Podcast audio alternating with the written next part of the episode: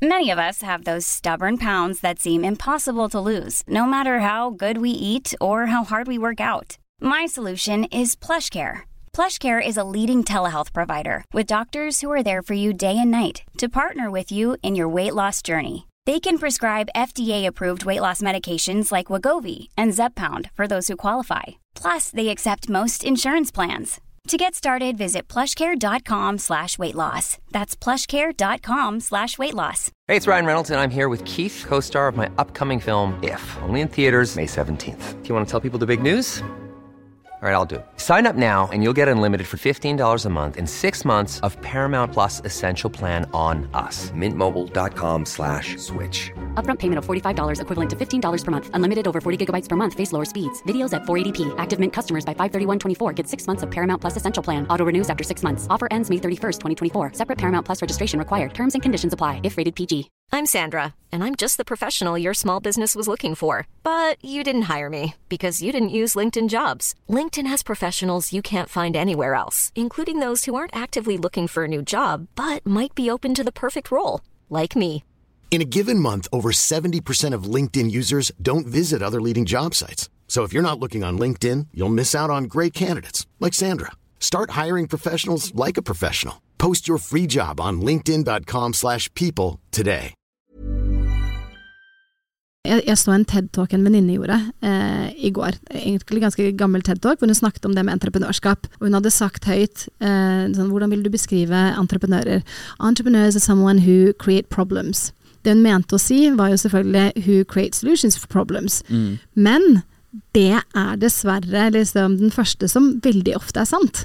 At entreprenører er noen som har lyst til å starte et eller annet, og, og liksom skaper et problem for å da så ha en løsning. Men jeg tror også veldig, veldig uh, mange, og der tror jeg jeg ligger, ser et problem og klarer ikke helt liksom å gi meg før jeg har funnet en løsning.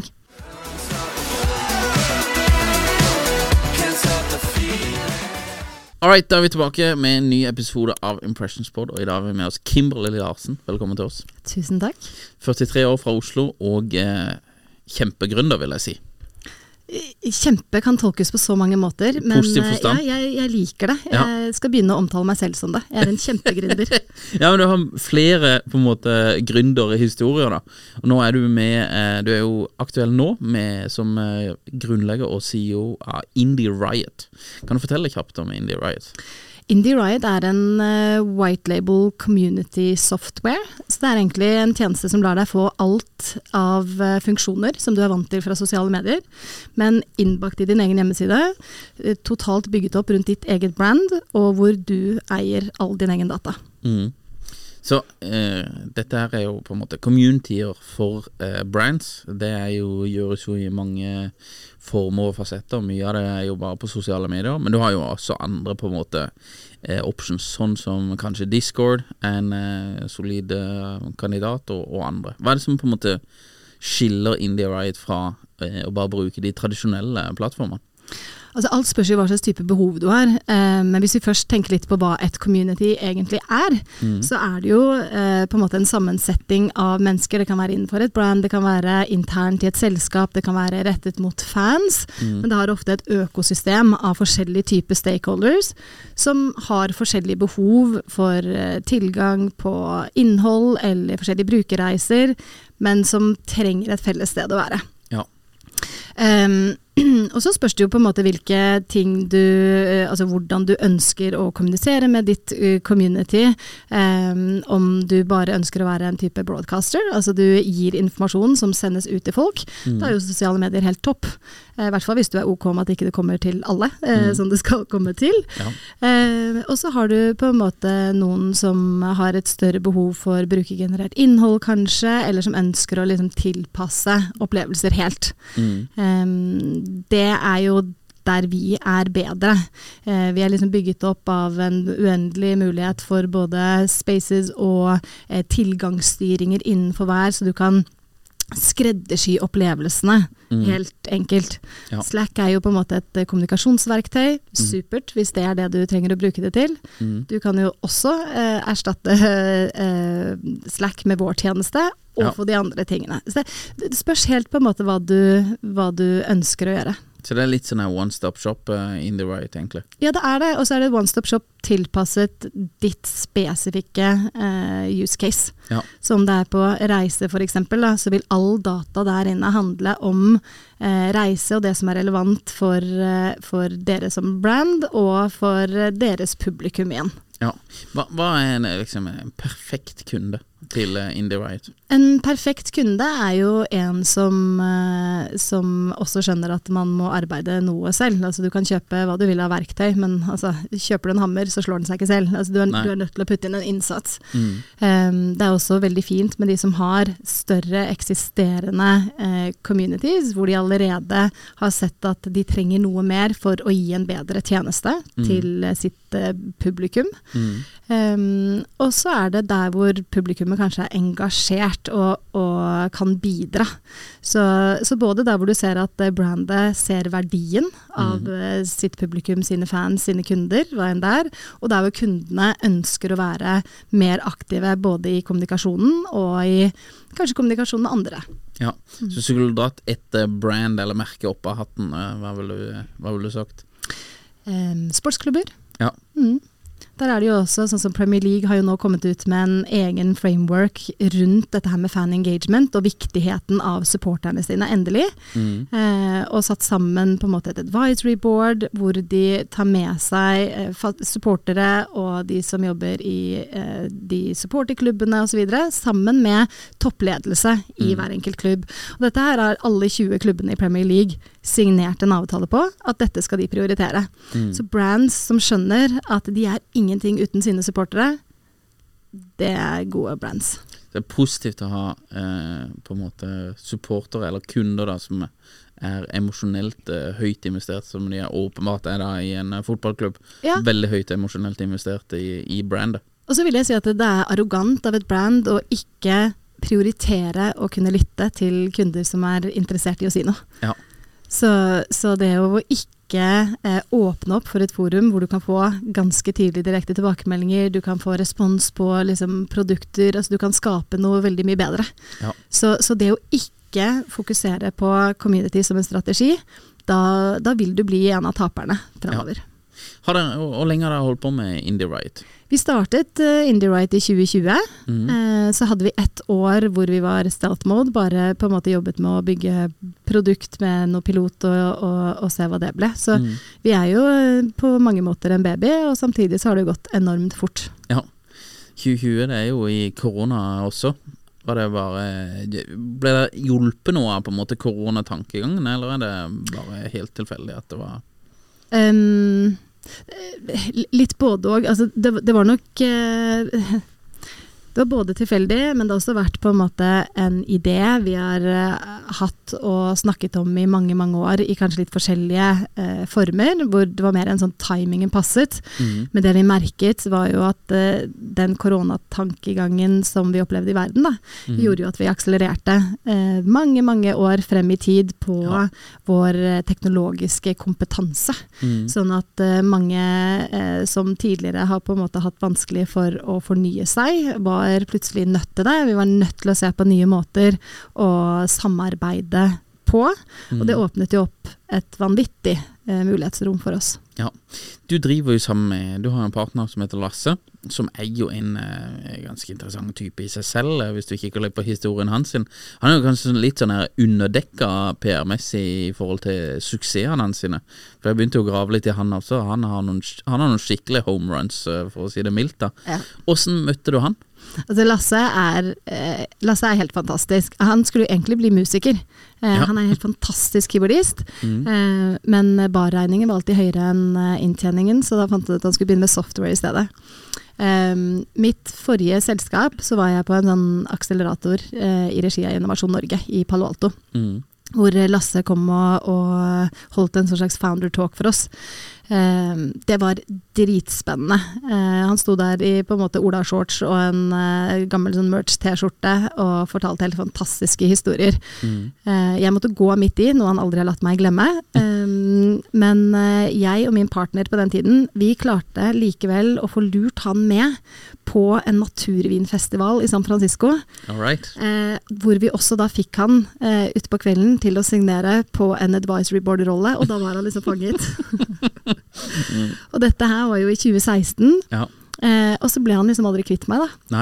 Eh, og han var veldig aktiv, han har vært liksom styreleder i forrige selskap, og vi har jobbet kjempe, kjempetett. Men, Ja. men eh, en ting er at vi er veldig like som mennesker, og hvordan vi ønsker å bygge opp ting rundt oss, eh, hvordan vi vil ha det. Mhm. Men vi hadde også en sånn utrolig felles interesse av hvordan kan vi på en bedre måte kombinere online og offline. Eh, hvordan vi lever. Så han kommer jo fra Han har jo bygget eh, Forjog tidligere, som er eh, et av verdens ledende Identity Access Management-selskaper. Jobbet med liksom cybersecurity. Jeg kommer fra en bakgrunn innenfor liksom, frilansøkonomi. Jobbet med eh, networking, community-bygging. Og, og våre to eh, når, når det kommer til krysningspunktet der, da, med mm. sånn Ok, men hva kan vi gjøre for å, å bedre tilrettelegge for måten vi lever nå, Mhm. digitalt? Ja. Eh, og så åpnet det seg plutselig bare en tidsmulighet som vi hoppet på. Stemmer. Så han, eh, du møter han i Palo Alto i eh, Nord-California, eller iallfall i San Francisco. Det er jo på en måte eh, ja, huben for veldig mye gründergreier og sånn.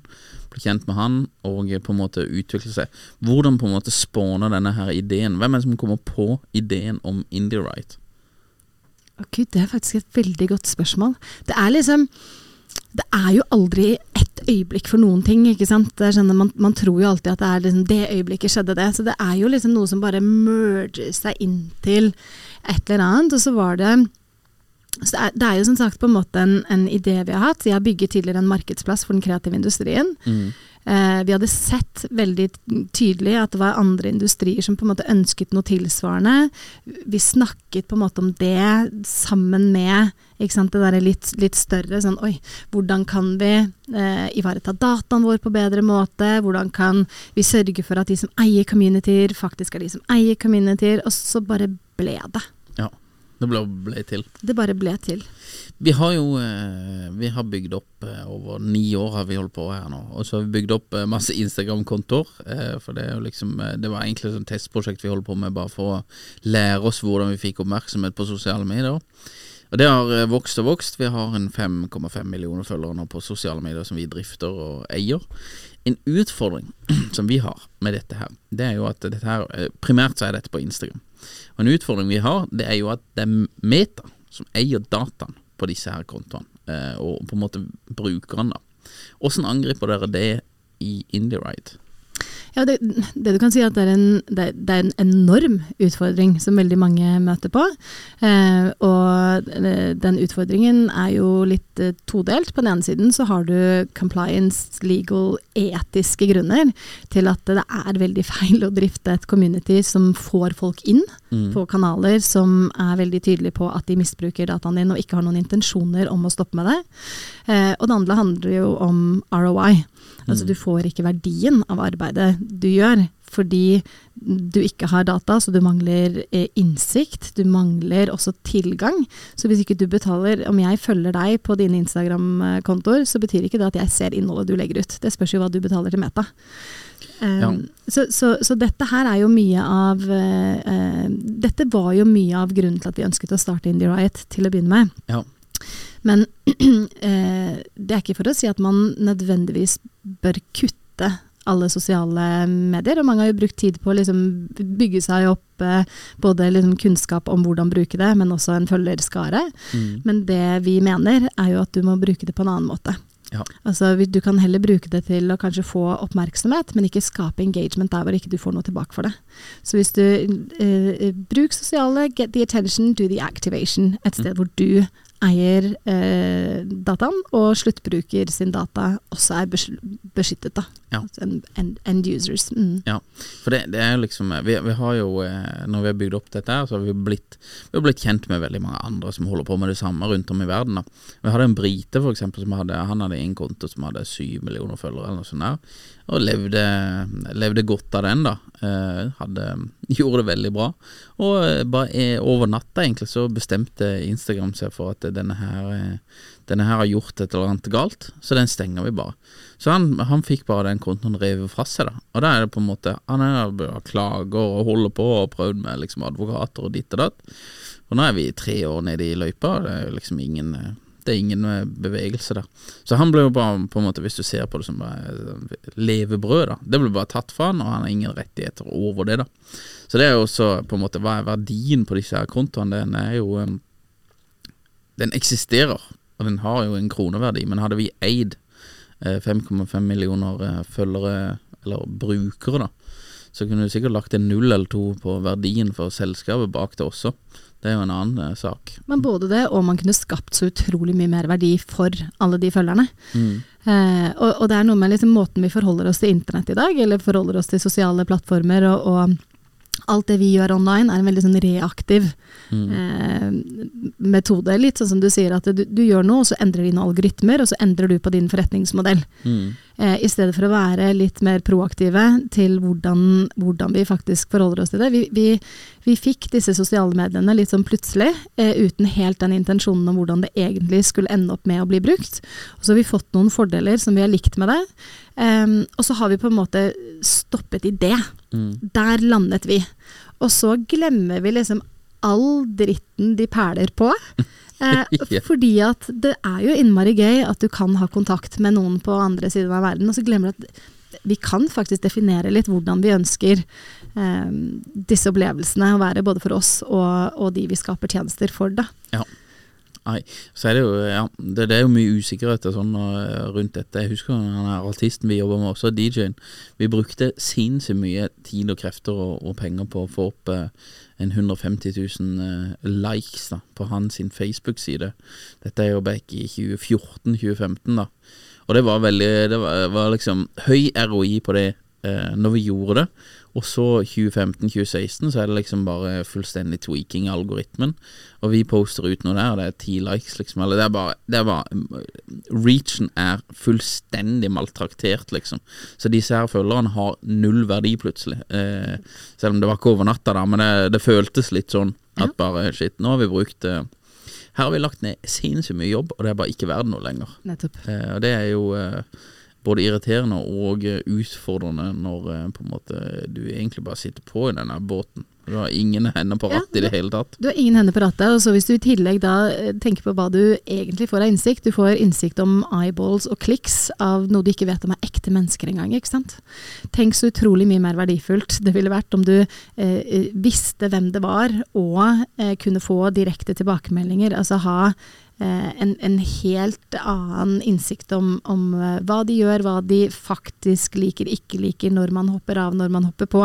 Fordi da blir det ikke en konkurranse om eh, å følge algoritmene, hvor mange ting må man legge ut for å få nok kliks, eller hvor mye ting må man legge ut for å få nok penger. Og så eh, handler det ikke lenger om verdien av innholdet, og at innholdet du legger ut passer med brandet ditt. Det handler bare om et eller annet som genererer kliks. Ja. Så du, du mister hele formålet med det i utgangspunktet, sant. Ja. Dette her tror jeg mm, skal, Kan vi ikke Skal ha meta du når vi er ferdig. Skal ha meta, ja. Nei, vi kan ikke spore helt av. Men jeg så Robert Ness, eh, mener jeg, som hadde tweeta en sånn der eh, på eh, Han hadde en statistikk på hvor negative nyheter var. Og eh, 2010 eh, altså, Nyhetene har aldri vært mer negative enn det nå. Og det mener jeg er av dette her eh, skeive skakkekjøringa. At de, de må også ha klikk, liksom, for de blir målt på det. Og de har et varelag, og de selger annonser. Og, og de må ha mer og mer sjokkerende nyheter. Eh, så du blir på en måte dytta inn i en sånn her eh, eh, hvor nyhetene trenger nødvendigvis ikke å være på en måte nyheter, da. Eh, mens før var det Når du kjøpte en avis, da, så betalte du Du betalte x antall kroner til meg som serverte deg avisa. Hvis nyhetene var positive eller negative, det var, du betalte meg like mye. Nå, hvis jeg klarer å trigge deg og bare sjekk dette sinnssyke greiene, og du klikker flere ganger, og eh, du holder på, så tjener jeg mer penger på det. Så du liksom Insentivene skakker da i forhold til eh, det å levere gode nyheter. Og det er jo litt det samme kanskje her også. Du blir litt sånn her eh, insentivert da til å At det er mer og mer sjokkerende greier du skal holde på med. There's never been a faster or easier way to start your weight loss journey than with PlushCare. PlushCare accepts most insurance plans and gives you online access to board-certified physicians who can prescribe FDA-approved weight loss medications like Wigovi and Zepbound for those who qualify.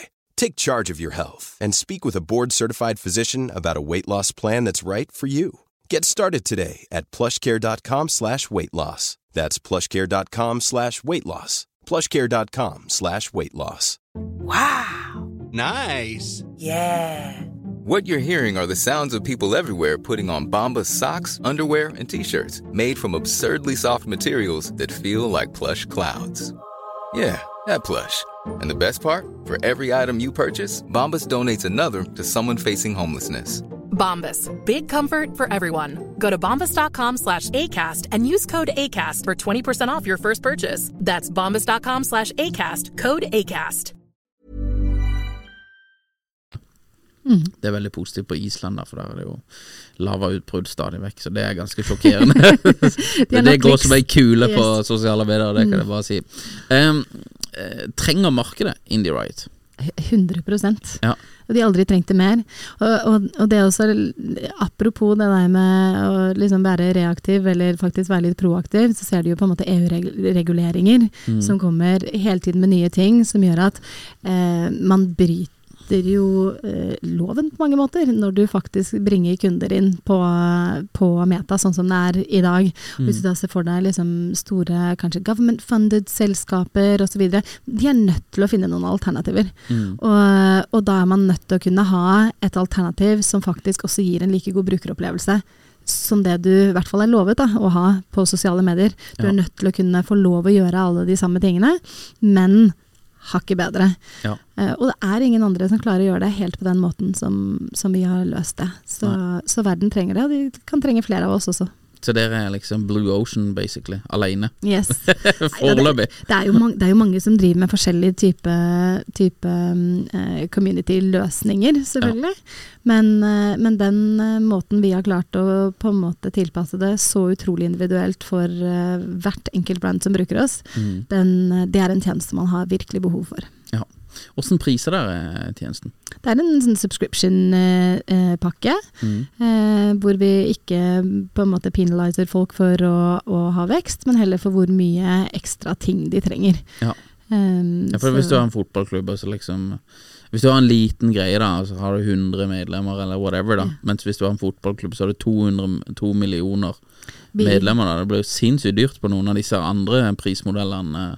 Ja, og vi, vi er jo laget for bedrifter, Ja. sånn at eh, samtidig så er det på en måte veldedige organisasjoner eller liksom mindre klubber anbefales bare å sende oss en søknad Ja. om, om å få en egen tilpasset pris. Og hvis det er noe vi uh, tror har, eller noe vi syns er viktig, viktig arbeid som gjøres og vi har lyst til å være med og støtte det, så gjør vi absolutt det. Ja. Men ellers er vi bygget uh, mer for enterpriser som har store, store communityer som de, de trenger bedre måter å drifte på, og de allerede egentlig tjener penger på det, eller har muligheten til å tjene penger på det. Ja. Og så er det en eh, voks, voks som du vil, men eh, hvis du vil ha eh, x antall integrasjoner, eller du vil åpne API-er eller sånne ting, så betaler du mer. Ja. Så, så prøv å gjøre det liksom så fleksibelt som mulig. Eh, og, og igjen litt tilbake til hvordan alle de tingene vi ikke syns har vært fint, men hvordan det har vært gjort eh, ting på nettet før, så har vi prøvd å på en måte bygge en forretningsmodell også som gir muligheter for, for fleksibilitet hos våre, våre kunder. Så dette er en klassisk SAS. Ja, det er det. Det er det. B2B, B2B SAS. Ja. Det er jo godt i vinden nå. Mm. Eh, Skifter kåra Indirite til en av de mest promising female lead startup to watch i 2024. Hva tenker du om det, at du får en sånn eh, på en måte den type utmerkelser? Eh, Det er helt fantastisk. Eh, Samtidig og, og, og Skifter gjør utrolig godt arbeid med å um, fronte gründere i Norge spesielt. Altså det de har klart å gjøre for startup-verden i Norge, er, er helt unikt. Ja. De er også flinke til å liksom følge med på et utrolig diverse um, økosystem. Mm. Eh, og så er jo baksiden av medaljen er jo at det er jo helt absurd at man skal måtte eh, i dagens samfunn skille mellom kvinnelige gründere og gründere. Fordi jeg vil jo si at vi er et av de mest spennende oppstartsselskapene i Norge Mm. å følge med på, uavhengig om jeg er kvinne som leder eller ikke. Ja. Um, men, men sånn er det. Man trenger eh, å fronte uh, noen rollemodeller for å uh, vise andre at ting er mulig. Sånn er det jo fra tidenes morgen. Mm. Det du ikke har sett et sted, eller har du plutselig ikke muligheten til å drømme om. Eh, men, men, men jeg syns det har gått utrolig sakte. Altså rapporter for ti år siden som sa at eh, selskaper ledet av kvinner outperform the average by 2.5 times. Det er en økonomisk fordel i å prioritere diversity, sant? Mm. Eh, og det, dette er jo blitt uh, bevist gang på gang på gang på gang på gang. Og at ikke da vi har et uh, WC-miljø som satser mye hardere på uh, team eh, med diverse ledere, eller diverse team, det, det, det er litt sånn det, det slår meg litt i bakken, for det er litt sånn det, det gir ikke økonomisk mening Nei. at dere eh, fortsetter på denne måten. Så Hva, hva tror du er grunnen til at uh, de, de outperformer uh, de andre? Nei, og, og dette handler jo om diversity, eh, så, så det handler jo mer om kanskje jo, jo mer du har måttet kjempe for å komme til noe, jo mer er du villig til eh, å, å jobbe Ja. for det. Det så, så det behøver ikke bare være kvinner, det kan være en um, innvandrer som har måttet komme seg gjennom x antall hindringer. Alt som gjør at uh, du tvinges til en mer survival Mm. eh, i hverdagen din. Alt som gjør at du er nødt til å jobbe litt eh, hardere enn alle andre. Det bygger jo opp, det er jo en muskel ikke sant, som, som Ja. trenes. Um, og, og så handler det også om at eh, fordi det har vært så eh, kanskje nedprioritert, så er det eh, Man må ikke glemme at eh, 50% av verden er kvinner. Produkter og tjenester som skapes. 50% av brukere er kvinner. Hvis ikke det er noen kvinner som kan lage produkter som også passer for kvinner, da mister du en ganske stor kjøpegruppe. Mm. Um, så, så Nei, det er overraskende, syns jeg, at det er um, fortsatt en så skjev fordeling på Ja. det. Hva, hva tror du kunne liksom hjulpe Hva tror du er grunnen til det? Tror du liksom politikerne kunne gjort noe her, eller sånn som i Norge, da, hvis vi bare skal holde oss på Norge?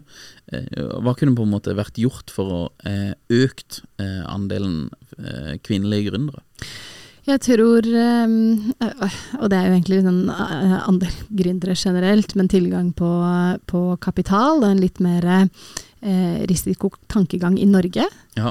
tror jeg vi i Norge hadde hatt uh, godt av. Politikernivå så er det helt på en måte andre typer ting jeg tenker er viktig. altså Både alt med liksom opsjonsbeskatninger, hvordan man løser formuebeskatning. altså Det er utrolig mange ting som fortsatt gjør det både eh, vanskelig eh, satse som gründer, vanskelig som investor å investere i gründere. Så liksom, så når, I Norge er vi jo der, Ja. at det fortsatt trengs eh, sånne ting. Mm. Eh, men eh, så er det jo nettopp det der med å fronte rollefigurer, sånn som da Skifter eh, gjør, som, som gjør at jeg sier at det er helt fantastisk, og at jeg setter veldig pris på det, selv om det er trist at det er nødt til å være sånn. Ja.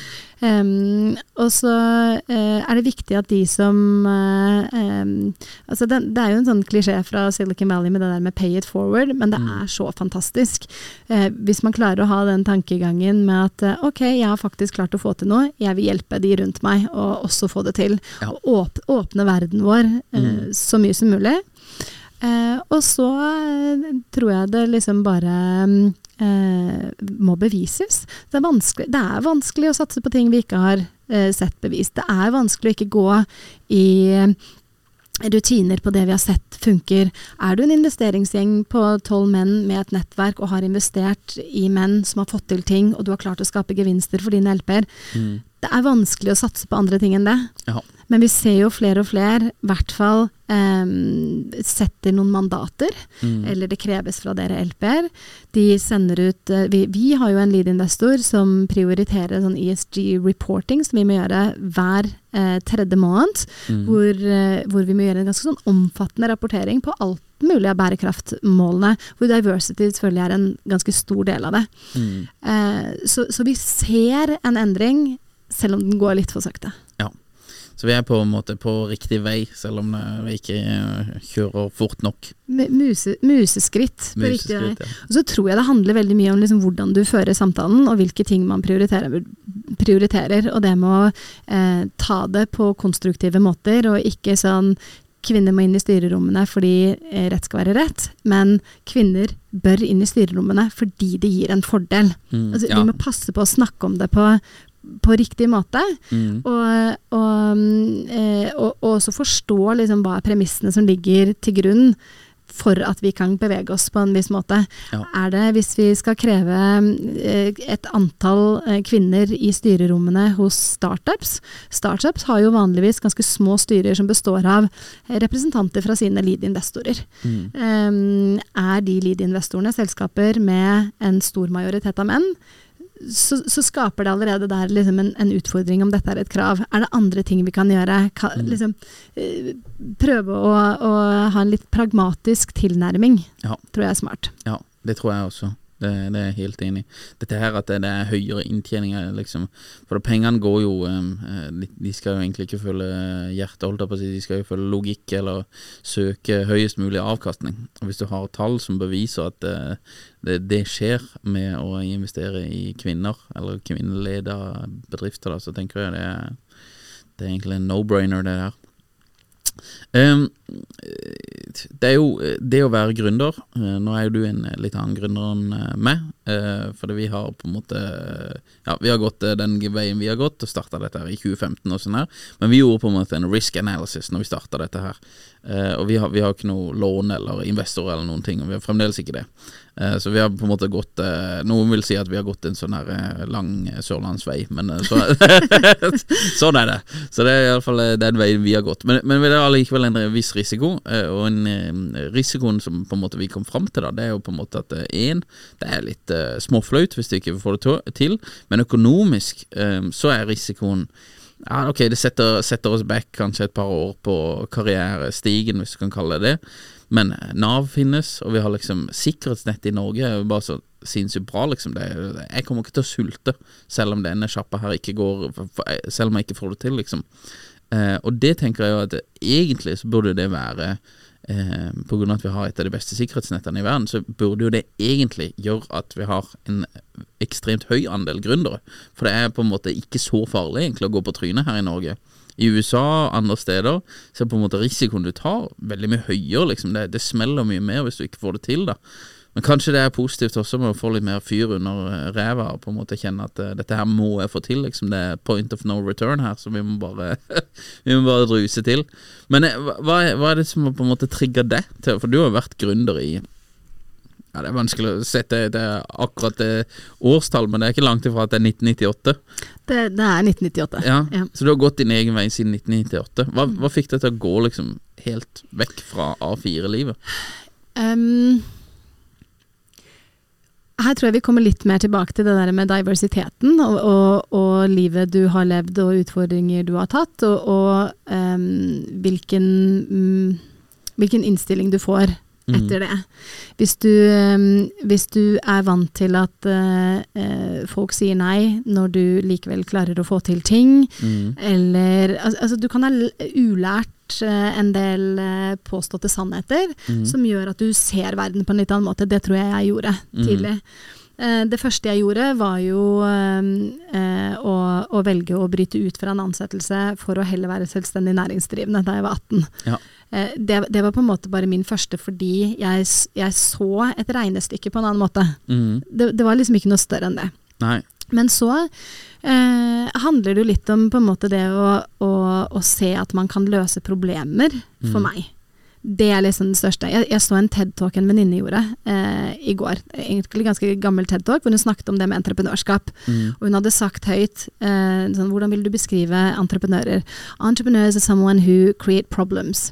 Det hun mente å si, var jo selvfølgelig who creates solutions for problems. Mm. Men det er dessverre liksom den første som veldig ofte er sant. Mm. At entreprenører er noen som har lyst til å starte et eller annet, og, og liksom skaper et problem for å da så ha en løsning. Ja. Men, men jeg tror også veldig, veldig uh, mange, og der tror jeg jeg ligger, um, ser et problem og klarer ikke helt liksom å gi meg før jeg har funnet en løsning. Nei. Og det er liksom en kombinasjon av naivitet Mhm. og stahet. Altså ingen av de tingene jeg hadde gjort, tror jeg at jeg hadde satt i gang med hvis jeg hadde klart å gjøre den fulle riskanalysen Nei. i forkant. det, det liksom, Og faktisk forstått hva det ville koste. Ja. Men alle ting jeg har gjort opp gjennom hele livet mitt, har vært utrolig passion-drevet. Mm. Sånn at når jeg har eh, bygget et selskap hvor jeg måtte ta tre andre jobber for å klare å betale for å bygge det selskapet, Mm. da skal det føles utrolig viktig, da. Ja, Ikke sant? Da skal det føles ut som at det jeg gjør, betyr noe for andre mennesker. Det betyr noe for meg. mm. Og, og det vi bygger nå også, jeg tror at dette er eh, et utrolig fantastisk innskudd i verden som kan endre mye av de tingene som har vært eh, dårlig, med, med både hvordan det påvirker oss mennesker, hvordan vi klarer å kommunisere. Altså det som er dårlig med den teknologiske utviklingen nå, det kan vi være med å endre. Mm. Og det kicket jeg får ut av det, det liksom overveier alle riskanalyser i verden, og, og, og det gir det derre det, det- gir meg den sulten. Ja. For jeg tror du har helt rett med, med det du sier om, om Norge. Det burde jo egentlig vært at alle kan, eh, kan ta sjansen, men det er utrolig vanskelig å ofre alt for noe du ikke trenger å ofre alt for. Ja. ja, for det, det er ingen som trenger det. Det er ingen som trenger å gå gamble her. Nei, man er ikke sultne nok. Og Nei. akkurat dette kommer tilbake igjen til det derre hvorfor er det lurt å satse på diversity? De Mm. har stort sett hatt noen andre utfordringer Mm. enn den gemene hop. Sånn Ja. at fordelt utover seg, så blir det veldig verdt å, å satse på noe. Ja.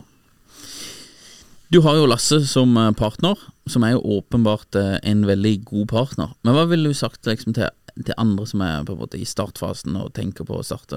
Er det viktig å ha en bra partner, og også hvordan finner du en god partner? Ah, ikke sant. Jeg hadde jo superflaks.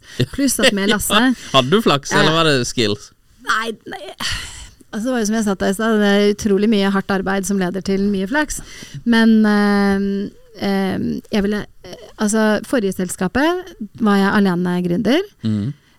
Og alle sa sånn, du må få deg en co-founder, få deg en co-founder. Ja ja, det er lett å si, og hvorfor? Jeg gjør jo dette her bra.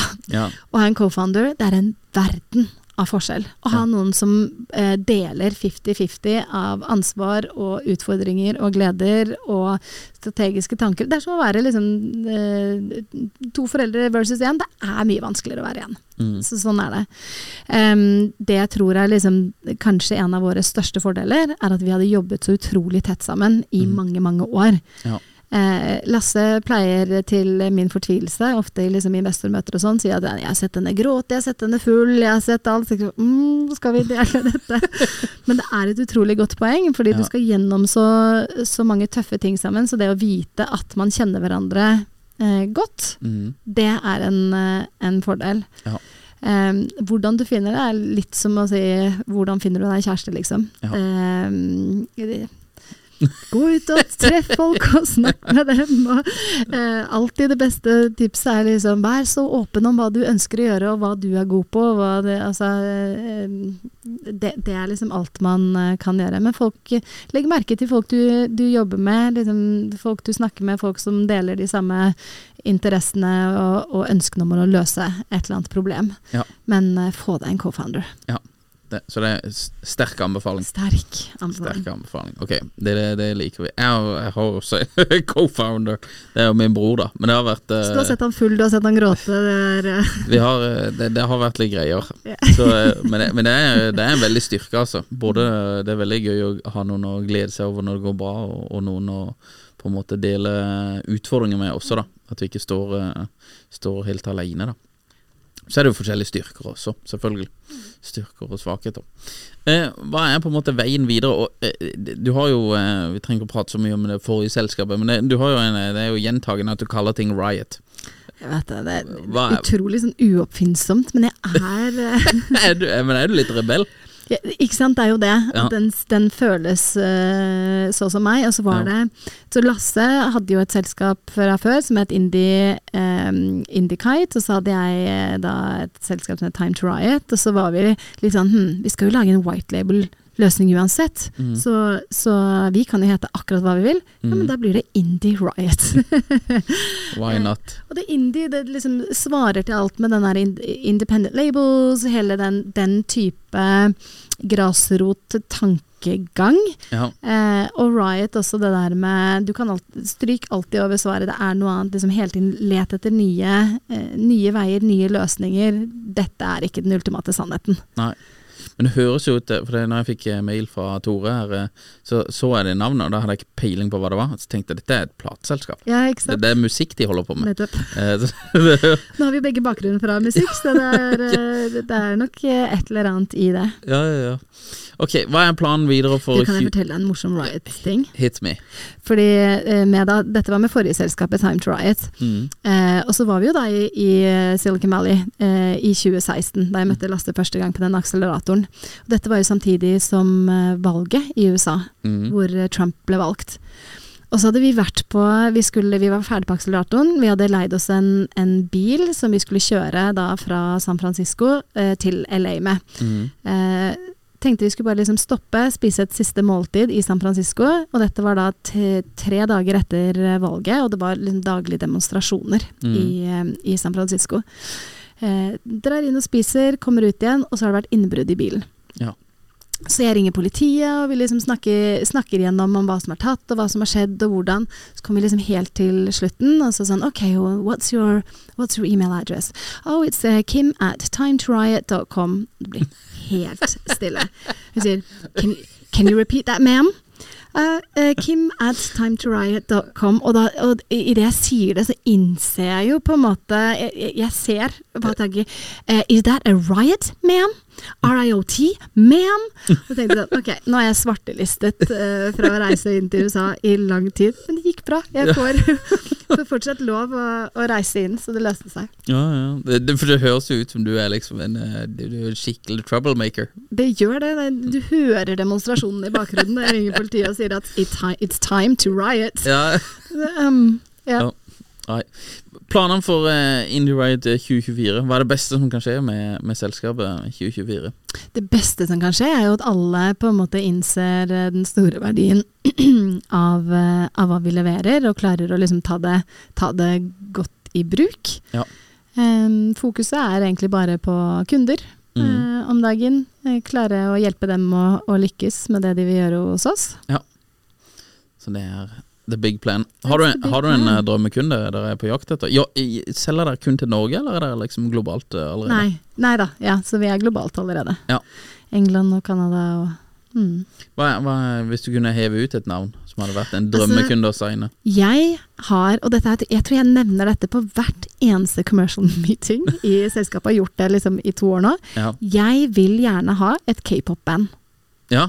Jeg vil ha k-pop. Ja. Jeg, jeg tror det hadde vært bare helt fantastisk. Jeg aner ikke helt hvordan jeg skal angripe det, Nei. men det er min store drøm, er å få et k-pop-band inn. Ja, men det tror jeg ikke er dumt. Det er jo et sinnssykt engasjement, altså. Ja. Det, det ser vi også uh, uten å eh, henge Uten å snakke ned om noen, men eh, um, mye av det vi uh, ser på en måte hull i eh, det vi gjorde innenfor musikk, eh, i forhold til det, for å trekke fram en veldig god en, Alan Walker da, og Gunnar. Det de bygger, de bygger et veldig samfunn, altså. Eh, og så har han jo gaminggreier og sånn her, men det, det å bygge et samfunn i følgerbasen din, det, er, eh, det tror jeg blir så sinnssykt viktig framover. Altså. Og spesielt når det er sånn som det, hvor du har, du har på en måte Du kan definere på en måte kundene dine som fans. Det er to streker under svaret. Disse er fans, liksom.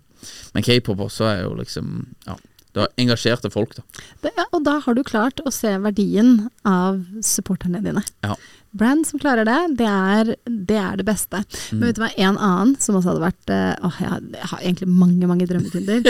Men eh, du nevnte jo i stad dette her med eh, nyheter, og Mm. på en måte utfordringen for, Og det er jo mange utfordringer med det. det. Det er jo også det at vi blir jo utrolig liksom utmattede og føler oss liksom overwhelmed, og vi føler at vi, det er ikke noe vi kan gjøre med det. Mm. Men så har du et par sånne kanaler som har klart å bygge opp sånn kjempeengasjement. Mm. Eh, for eksempel en som heter Upworthy, Mm. som, som fokuserer på liksom gode nyheter. Og, Ja. og noen ganger når verden er så tung som den er rundt oss akkurat for øyeblikket, egentlig hele tiden, Mm. eh, og, og vi er liksom så polariserte, og tilgangen på gode nyheter, hvis du bare trenger litt, litt hvile og, og skape, skape deg litt lykke i hverdagen, Mm. det hadde også vært en, eh, en god kunde. Ja. Mm. Det, den ser jeg. Nei, jeg ble helt, det er en helt annen diskusjon, altså. Men jeg, det var, jeg så det der Urix, mener jeg det var. Uh, og da, just nå for et par uker siden. Og da var det liksom hele greia, da. En time. Det var hva skal vi mest bekymre oss for i 2024? Jeg fikk lyst til å bare ta hele TV-en og geine den ut av tredje etasje. Og så bare tenkte jeg, dette her er jo bare Disse her selger jo frykt, liksom. Det er jo, selv om man blir litt sånn der Du kan bli beskyldt for å være Ja, vi skal ikke ha noe negativt inn i livet, da. Men allikevel så føler jeg at det er jeg er blitt beskyldt for å være litt sånn amerikanisert i det, at det liksom stay out of negative eh, thoughts, da, men tenker bare sånn nei, dette er spinnvilt, altså. De, de, her kjører de en time, så fire folk som sitter og prater med en liksom moderator om hva du skal bekymre deg mest om i 2024. Tenk og negativt fokus, liksom. Og hvis du ser på en del tall og sånn her også, ja, det er, det er krig, det er veldig mye forferdelig som skjer i verden, men verden er egentlig et bedre sted enn det har vært mye før, altså. Det er mindre krig i verden enn det det har vært før, det er bare nå får vi alt bare så sinnssykt tett. Det er livestreamer. Det en, eh, det er en bok og noen foredrag og eh, noe eh, Hva heter den? Heter det Factual? Fa jeg tror den heter eh, Factivity fact, Et eller annet, noe sånt noe. Mm. Som, som faktisk eh, viser stats om hvor bra vi egentlig har det i verden, hvor mye Ja. verden har gått fremover. Og den viser også en sånn fattigdomsmåling. Mm. Som hvordan, eh, hvordan vet du hvor du er på fattighetsnivået. Det kan være alt fra liksom, hvordan beveger du deg. Mm. De aller fattigste, de går. Mm. Eh, og så de neste har sykkel, og så er det neste moped, og så Mm. er det bil. Altså sånn, har du bil, da er du allerede blant topp fem rikeste i Ja. verden. ikke sant? Hvordan er bestikken hjemme hos deg? Så det har ikke noe med hvor i verden du bor, Nei. men det er, det er liksom sånne ting i stedet. Mm. Men den er også sånn utrolig fin sånn referansepunkt, når Ja. alle sier at verden har eh, kollapset. Ja. Så kan man se at eh, det, har den, det har den faktisk ikke. Det er noen positive ting der ute òg. Nei. Jeg prater med, litt med min mormor, for hun sitter jo Hun bor oppe på fjellet på Hovden. Hun sitter og ser på NRK, vet du, og det jo Så ser nyheter hver dag. Og hun er litt sånn der Ja, det er nei, uff a meg. Og så tenker jeg jeg må jo ta printe ut noen grafer Ja. og fortelle henne at det, det er faktisk ikke så ille, dette. Det, det er veldig mange som eh, det, hele, det, som har skjedd i Kina også, hvor liksom du kan si, Det er mye negativt med Kina også, men liksom det fattigdomsløftet de har hatt der hvor liksom eh, det er millioner, hundrevis av millioner som er på en Ja. måte løfta ut av fattigdom. Nettopp. Det er jo veldig mye positivt som skjer rundt forbi. Nettopp. Og, det hadde vært så fint hvis nyhetene vi fikk var faktisk eh, på en måte et litt mer nyansert eh, verdensbilde, som klarte å informere oss om hvordan det faktisk ligger an Ja. i verden nå, og ikke var clickbait. Ja, jeg er helt enig, men nå sporer vi helt av. Ja, det er sant. Vi får, vi får runde av, Kimberley. Tusen takk for at du kom. Tusen takk for at du delte. Veldig kult det dere holder på med. Og så ønsker jeg bare masse lykke til i 2024. Tusen takk. Takk for at vi fikk komme. Even when we're on a budget, we still deserve nice things. Quince is a place to scoop up stunning high-end goods for 50 to 80% less than similar brands. They have buttery soft cashmere sweaters starting at $50, luxurious Italian leather bags, and so much more. Plus, Quince only works with factories that use safe, ethical, and responsible manufacturing. Get the high-end goods you'll love without the high price tag with Quince. Go to quince.com slash style for free shipping and 365-day returns.